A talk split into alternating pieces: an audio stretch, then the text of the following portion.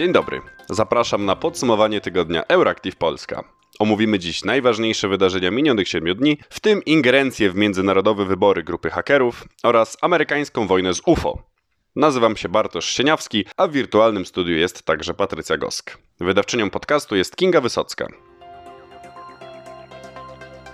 Pandemia, kryzys i wojna. Co jeszcze może obecnie nawiedzić Ziemię, żeby dodatkowo nam, maluczkim, dołożyć zmartwień?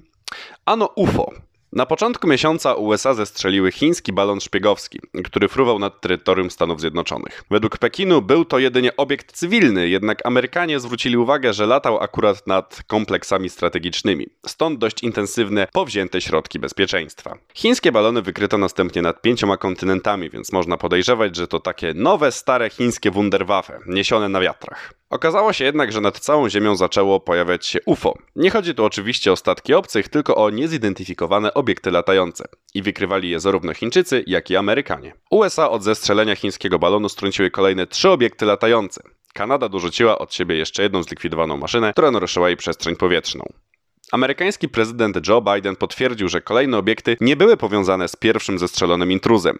Trudno jednak dowiedzieć się, do czego konkretnie Amerykanie strzelali. Był to urządzenie mniejsze niż balon i nie do końca było wiadomo, na jakiej zasadzie unosiły się w powietrzu. Internet zaczął spekulować, że może to rzeczywiście kosmici. Póki co do statków powietrznych nie przyznał się żaden kraj ani organizacja.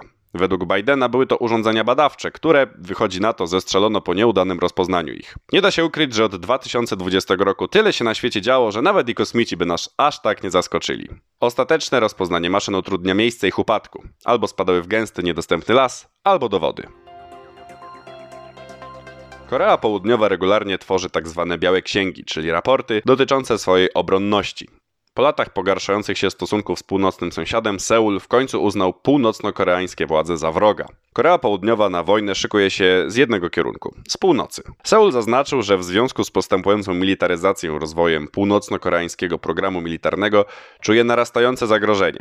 Podkreślono, że szuka się współpracy militarnej z Japonią. Korea Południowa w przyszłości chciałaby pokojowego zjednoczenia Półwyspu Koreańskiego, jednak póki co nastawia się wrogo przeciwko równie wrogo nastawionemu Pjongjangowi i reżimowi Kimów. Nomenklatura używana w Białych Księgach ma znaczenie symboliczne. Dotychczas, z pewnymi przerwami na lepsze stosunki międzynarodowe, Koreę Północną określano jako głównego wroga. Po kilku latach politycznej i militarnej odwilży powrócono do tego określenia. Turcja pod rządami Recepa Erdoana coraz bardziej popada w autorytaryzm, co widać w wielu dziedzinach życia codziennego Turków, a także na przykładzie konfliktu Turcji z kurdyjską mniejszością narodową. Południową Turcję i północną Syrię w ubiegłym tygodniu nawiedziło straszliwe trzęsienie ziemi, w którym zginęło już 43 tysiące ludzi. Również i w tym przypadku widać agresywne zachowania tureckich władz. Aresztowano 78 osób oskarżonych o sianie paniki w związku z kataklizmem. Namierzono ponad 600 osób odpowiedzialnych za pisanie prowokacyjnych postów, a przeciwko 300 wszczęto postępowanie karne. 20 osób trafiło do aresztu. Zamknięto też 46 stron w internecie oraz 15 kont w mediach społecznościowych. W październiku w Turcji wprowadzono przepisy potencjalnie karzące dziennikarzy i użytkowników mediów społecznościowych za sianie dezinformacji. Do 2050 roku w Unii Europejskiej skończyć się ma emisja gazów cieplarnianych emitowanych z samochodów spalinowych. Samochodów spalinowych w ogóle ma wkrótce braknąć, ponieważ europejskie auta od 2035 roku nie będą w ogóle mogły emitować dwutlenku węgla i od tego roku na rynku dostępne będą już tylko auta elektryczne. Ostateczny projekt został przyjęty przez Parlament Europejski, który transport samochodowy uznał za jednego z większych emiterów CO2 do atmosfery.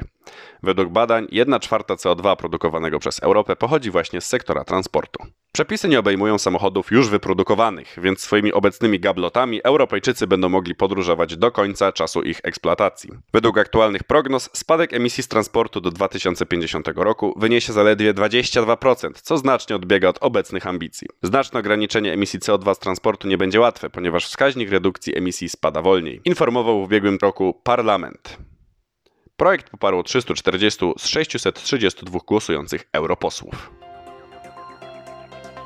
Mimo, że granica między Finlandią i Rosją jest zamknięta, a wizy anulowane, Rosjanie odkryli lukę prawną i przyjeżdżają na zakupy do północnej części kraju. Wykorzystują do tego Norwegię. Ponieważ Norwegia nie zamknęła swojej granicy przed Rosjanami, mogą oni wjechać do kraju z ważną wizą przez punkt graniczny Storskok. Norwegia i Finlandia należą do strefy Schengen, dzięki czemu Rosjanie chcący kupić fińskie produkty mogą kontynuować podróż do północnej Finlandii. Media donoszą, że codziennie przy granicy pojawiają się ludzie podróżujący busami z długimi listami zakupów, na których często znajdują się popularne produkty spożywcze, takie jak kawa, czekolada i ser. Władze wydają się bezradne, a przy obecnych przepisach odpowiedzialność łatwo się zaciera. Minister spraw zagranicznych Pekka Havisto ocenił w rozmowie z publicznym fińskim nadawcą radiowo-telewizyjnym YLE, że produktów objętych sankcjami nie powinno się sprzedawać, jeżeli klient ma zamiar przewieźć je do Rosji. Fińskie służby celne z kolei nie mogą wstrzymać ruchu na granicy ze względu na zasady Schengen. Rosjanie nie proszą o zwrot podatku, a sklepy nie kontrolują paszportów, co pozwala rosyjskim obywatelom swobodnie robić zakupy. Nie mają oni problemu z kupowaniem produktów objętych sankcjami. Chcemy być postrzegani jako wiarygodny sojusznik w NATO, ale oczekujemy nowych planów bezpieczeństwa dla wschodniej flanki sojuszu, powiedział prezydent Andrzej Duda po spotkaniu z sekretarzem generalnym NATO Jensem Stoltenbergiem. Sekretarz generalny NATO potwierdził, że przybędzie do Polski w przyszłym tygodniu. Dziękuję za zaproszenie na szczyt bukaresztańskiej dziewiątki, który odbędzie się w Warszawie. Z radością czekam na spotkanie z Tobą i innymi przywódcami. Oświadczył Jens Stoltenberg, zwracając się do Andrzeja Dudy. Duda przypomniał natomiast, że w Polsce w dniach od 20 do 22 lutego odbędzie się także wizyta prezydenta USA Joe'ego Bidena. To w jej trakcie odbędzie się szczyt bukaresztańskiej dziewiątki. Chcemy być postrzegani jako wiarygodny sojusznik na wschodniej flance NATO, oznajmił Andrzej Duda na wspólnej konferencji prasowej ze Stoltenbergiem. Poinformował też o działaniach podejmowanych w ramach NATO mających na celu pomoc Ukrainie. Stwierdził, że Jens Stoltenberg jest gwarantem wsparcia dla państw Europy Wschodniej. Chcemy być jak najbardziej samowystarczalni. Traktujemy poważnie kwestie naszego bezpieczeństwa oraz to, co możemy zaoferować naszym sojusznikom. Jednak oczekujemy nowych planów bezpieczeństwa dla wschodniej flanki sojuszu. Chcielibyśmy, aby reakcja NATO na potencjalną napaść była szybsza, zaznaczył. Sekretarz generalny NATO docenił wkład Polski w działalność NATO. Gościcie u siebie jedną z grup bojowych NATO. Wydajecie sporo ponad 2% PKB na obronność i inwestujecie w zwiększenie zdolności obronnych, zauważył. Stoltenberg ocenił, że silna obecność NATO w Polsce pomaga w odstraszaniu Rosji. Razem wysyłamy jasny sygnał, że po stronie Moskwy nie może być żadnych błędnych kalkulacji. NATO będzie bronić każdego cala terytorium Polski i terytorium całego sojuszu, zadeklarował.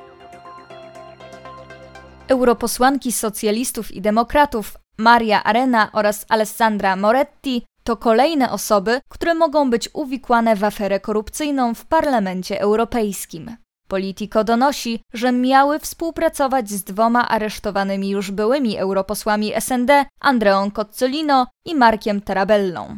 Wzmianka o europosłankach pojawiła się w nakazie aresztowania Andrei Cozzolino, który w zeszłym tygodniu wydał belgijski sędzia śledczy Michel Clais.